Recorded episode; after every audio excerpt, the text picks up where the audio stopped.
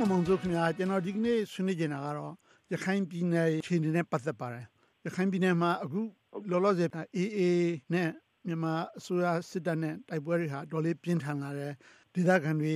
စစ်ဘေးဒုက္ခတွေပေါ့စစ်ကြောင့်ထွက်ပြေးရတဲ့လူသိများလာတယ်တကယ်တမ်းစစ်ဆိုတာကတော့နိုင်ငံရေးပြဿနာမပြေလည်တဲ့အခါထပ်ပြီးတော့တိုက်ကြတယ်လို့ပြောကြပါတယ်သို့တော်လည်းပဲစစ်နဲ့ဖြစ်ရှင်းလို့လည်းပဲနိုင်ငံရေးပြဿနာဟာပြေလည်သွားတယ်လို့တစ်ခါမှမရှိခဲ့ဘူးပါဘူးအထူးသဖြင့်မြန်မာနိုင်ငံသမိုင်းမှာ ဆိုတော့ဒီရခိုင်ပြည်နယ်မှာဖြစ်နေတဲ့တိုက်ပွဲတွေကိစ္စနဲ့ပတ်သက်ပြီးတော့နိုင်ငံရေးနဲ့ဖြစ်ရှင်းနိုင်တဲ့အလားအလာများဥမာပုံဆိုစဉ်းစားမိပါလားကျွန်တော်ဒီကနေ့တောင်ဆွေးနွေးကြပါတယ်လုံးလုံးစေကျွန်တော်တို့တွေ့ရတဲ့ပြဿနာပါတယ်ဆိုတော့တိုင်းရင်းသားတွေခွေကြီးနဲ့ပတ်သက်တဲ့ပြဿနာပေါ့နော်ကျွန်တော်တို့ဘာပြပြောင်းစုလို့ပြောတယ်တမ်းတစ်လျှောက်လုံးတပီတောင်တစ်နှစ်ပဲကျေသုံးလာတယ်လို့တိုင်းရင်းသားတွေကဆွဆွဲတာရှိတယ်အဲ တစ်ဖက်ကလည်းပဲတိုင်းရင်းသားတွေနဲ့ပတ်သက်တဲ့ခွင့်ကြီးဘာရသလဲလို့2008အခြေခံဥပဒေမှာပြောရင်လေအဲလောလောဆယ်မှာဘာမှမရသေးဘူးဆိုတာမျိုးရှိတယ်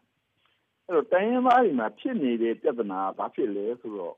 လက်နဲ့မရှိရင်လူရမဝင်ဘူးလက်နဲ့မရှိရင်ငါတို့ဖက်မလို့ဘူးလက်နဲ့မရှိရင်ငါတို့စကားထည့်ပြောဘူးလက်နဲ့မရှိရင်ငါတို့မဆွေးနွေးဘူးဆိုတဲ့အမြင်က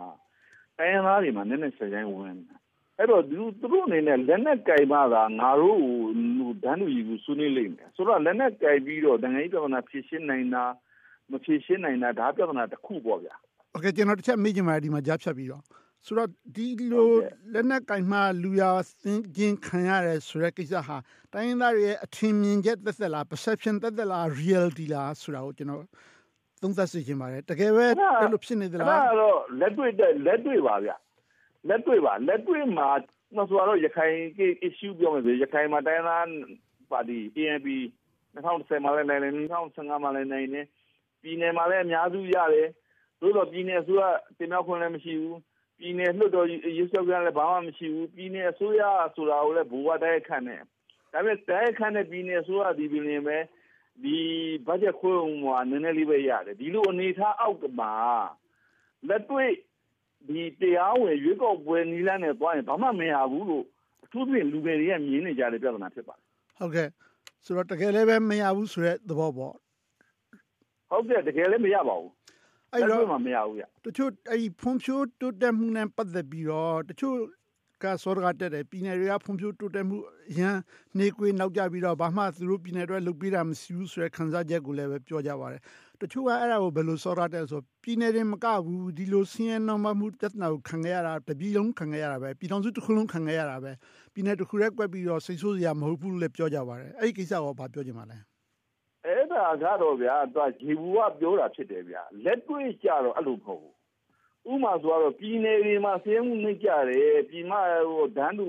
နှိမ့်ကြတယ်ဆိုရင်ဥမာဆိုတော့ရခိုင် issue တစ်ခုတည်းပြောမယ်ဆိုရင်ရခိုင်မှာဒီကျွန်တော်တို့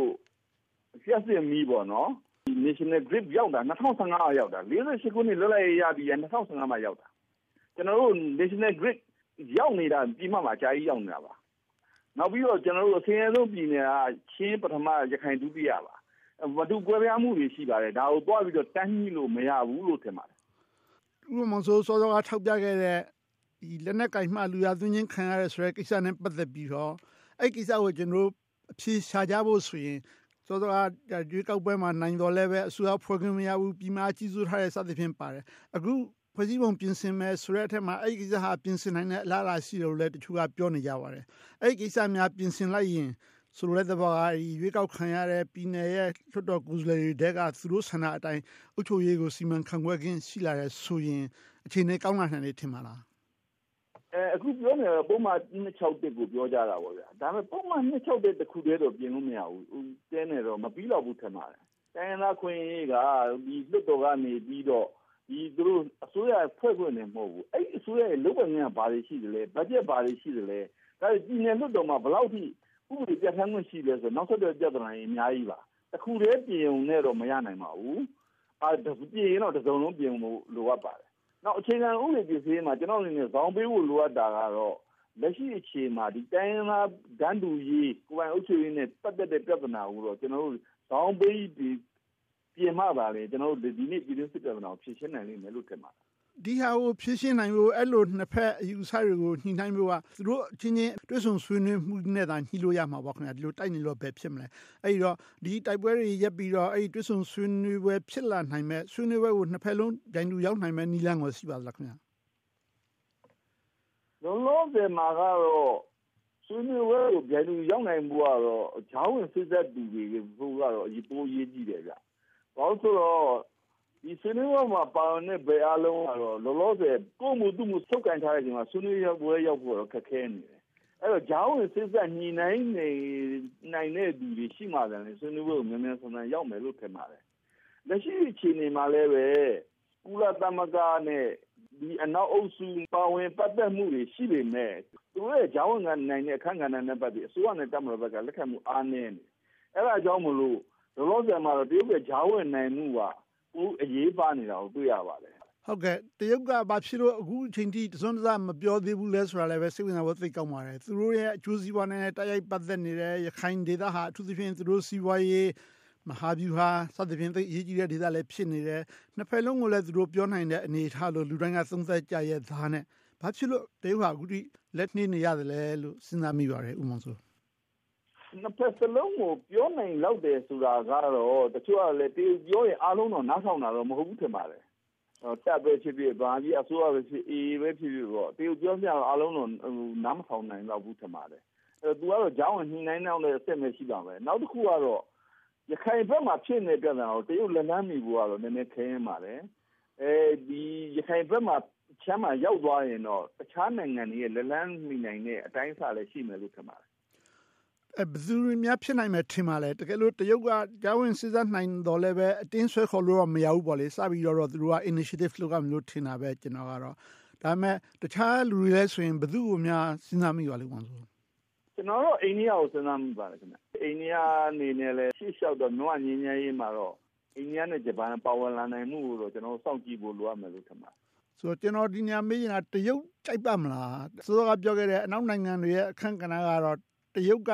ပေါ်ပေါ်ထင်ထင်ပဲပြောထားတာတွေ့ရပါတယ်အရှင်းမြောက်ဒေသကိုဆိုရင်အမေရိကန်သမ္မတသွားတာတော့မကြိုက်ဘူးဆိုပြီးတော့တရုတ်ကပုံမှန်လင်းလင်းပြောတာမျိုးတောင်ကြားခဲ့ရပါတယ်ဆိုတော့အိန္ဒိယတို့ဂျပန်တို့ကြတော့တရုတ်ကလက်ခံလိမ့်မယ်ထင်ပါလားအဲ့ဒါကတရုတ်ကလက်ခံတယ်လက်မခံတယ်နဲ့မဆိုင်ဘူးဗျာကျွန်တော်တို့ဥမာဆိုတော့တရုတ်ကဟိုခုနဆရာပြောသလိုအမေရိကန်တမ်မတ်ကိုနေဆက်သွားတာမကြိုက်ဘူးပါညာဒါတရုတ်ရဲ့သဘောတော့ပါတကယ်တော့ဝင်လို့မရအဲ့ဒါကြောင့်မဟုတ်ဘူးဗျာ ဘာမျိုးအနောက်နဲ့ကုလသမဂ္ဂဂျားဝင်လို့မရတာတရုတ်ကကန့်ကွက်နေလို့မဟုတ်ပါဘူးဒီဘင်္ဂလားဒေ့ရှ်မွတ်စလင်ပြဿနာကြောင့်မှာဒီရခိုင်ပြည်မြောက်ရဲ့မွတ်စလင်ပြဿနာမှာကုလသမဂ္ဂနဲ့အနောက်ကရက်တီဘူးကြောင့်ဝင်လို့မရတာပါတရုတ်ကရက်တီဘူးကြောင့်လို့တော့ကျွန်တော်မထင်ပါဘူးခင်ဗျနောက်တစ်ခုကကျွန်တော်ပြန်ပြီးတော့ကောက်ချင်တာကတော့အဲလက်နက်ကင်တဲ့ဆိုတဲ့ကိစ္စ မြန်မာနိုင်ငံရဲ့နိုင်ငံရေးဆွေးနွေးပွဲတွေမှာနိုင်ငံတကာမှာလည်းဖြစ်ကောင်းဖြစ်မှာပါဆွေးနွေးပွဲခေါ်ရဲဆိုကြအပေါ်စီကနေပြီးတော့ဆွေးနွေးခြင်းတယ်ဆိုတော့ mentality ပေါ့လေအဲ့လို attitude အဲ့လိုသဘောထားမျိုးလည်းရှိကြတယ်ထင်ပါတယ်စီရင်အားနဲ့အပေါ်စီကသာနေမှသာလျှင်ဆွေးနွေးပွဲမှာဈေးဆင်းရင်ငါတို့သာမယ်ဆိုတဲ့အယူဆများရှိနေကြသလားဆိုတာလည်းစဉ်းစားမိပါတယ်ဥမုံဆိုပဲလို့ဟုတ်ကဲ့ရှိတယ်ခင်ဗျအဲ့ဒါကတော့ကျွန်တော်တို့လက်ရှိဆွေးနွေးပွဲမှာတော့ အဲ့ဒီပြဿနာကြောင့်နိုင်ငံရေးဆွေးနွေးပွဲကိုမရောက်တဲ့ပြဿနာဖြစ်နေတာ။ NCA ပဲထိုးထိုးဘာပဲထိုးထိုးကျွန်တော်တို့ကိုယ့်ဘက်ကအသာစီးယူမယ်ဆိုတဲ့အယူဆက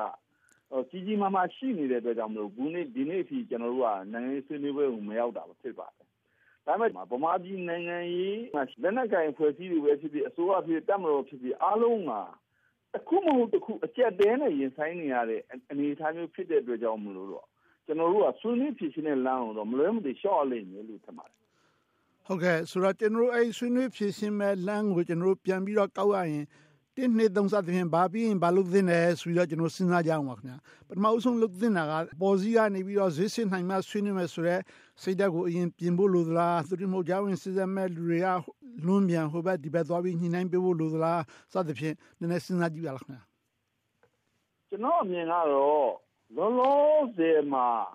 လက်နက်ကင်တိုက်ပွဲကိုရက်ပြီးဆွေးနွေးပွဲကိုသွားဖို့အရေးကြီးပါတယ်။လက်နက်ကင်တိုက်ပွဲကိုရက်ပြီးတော့ဆွေးနွေးပွဲကိုသွားမယ်ဆိုလို့ရှိလို့ရှိရင်လောလောဆယ်ရှိနေတဲ့အခြေအနေကိုအတိမတ်ပြုပြီးအဲ့ဒီအတိမတ်ပြုနေတဲ့အချိန်မှာအကုန်လုံးပြည့်ရလိုက်ဖို့ပဲ။အဲ့ဒါပြီးနိုင်ငံရေးဆွေးနွေးပွဲကိုရှင်းရှင်းလင်းလင်းကျွန်တော်တို့ကဘာဘာဘာဘာဆိုတာဆက်သွားမယ်ဆိုကျွန်တော်တို့ကညှိနှိုင်းလို့ရနိုင်တဲ့အခြေအနေရှိပါတယ်နိုင်ငံရေးဆွေးနွေးပွဲကိုမရောက်ရင်ဘာမှဆွေးနွေးလို့မရဘူးဘာမှဖြေရှင်းလို့မရဘူးဖြစ်နေပါလေ ဟုတ်ကဲ့ခက်တာအခုတက်မတော်ဘက်ကသူတို့တစ်ဖက်သက်အပြည့်အစရေးလေးလာလားလေးလာခွဲလားကြီးညာတာတော့မှပဲဒါသနတ်တန်တွေတုံးတုံးကြားနေရအောင်ဖြစ်နေပါတယ်ဆိုတော့လက်တွေ့ဖြစ်လာဖို့ကတော့ဘယ်လောက်နှိစက်မဲ့ထင်ပါလဲတစ်နှစ်နှစ်နှစ်စသဖြင့်ကလာအတွင်းမှာဖြစ်လာနိုင်ပါသလား။ဘာကြောင့်လဲဆိုတော့ဒီတိုက်ပွဲတွေကအတွန်းရှည်လာလေပြည်သူလူထုနစ်နာလေတိုင်းပြည်အတွက်အဆိုးဘက်ကိုဥရီသွားလေလို့ပဲကျွန်တော်စဉ်းစားမိပါတယ်။ကျွန်တော်ကတော့တရုတ်ကိုစဉ်းစားကြည့်မိတယ်ဗျ။ နော်ဆရာတို့လည်းသိနေတာပဲတရုတ်က OYO နဲ့စီးပွားရေးကျိုးစီးပွားရေးဘာမှအများကြီးရှိနေတာ။တရုတ်ကအခုဂျောင်းဝင်ညှိနှိုင်းတဲ့နေရာမှာဆရာကပြောသလိုဘာကြောင့်မတွန်းတွန်းတိုက်တိုက်မပြောသလဲဆိုတဲ့မေးခွန်းကိုကျွန်တော်တို့လည်းမေးနေတာပဲဒါပေမဲ့ तू အချိန်တစ်ခုကြာလာတဲ့အချိန်မှာသူ့ရဲ့စီးပွားရေးအကျိုးစီးပွားရေးအကောင့်တွေပေါ်ကျင်တဲ့အခါမှာရောသူလိုချင်တဲ့ပုံစံသွင်းမလာနိုင်ဘူးလားတွန်းတွန်းတိုက်တိုက်လုပ်မလာနိုင်ဘူးလားဆိုတာလည်းကျွန်တော်တို့စဉ်းစားနေပါတယ်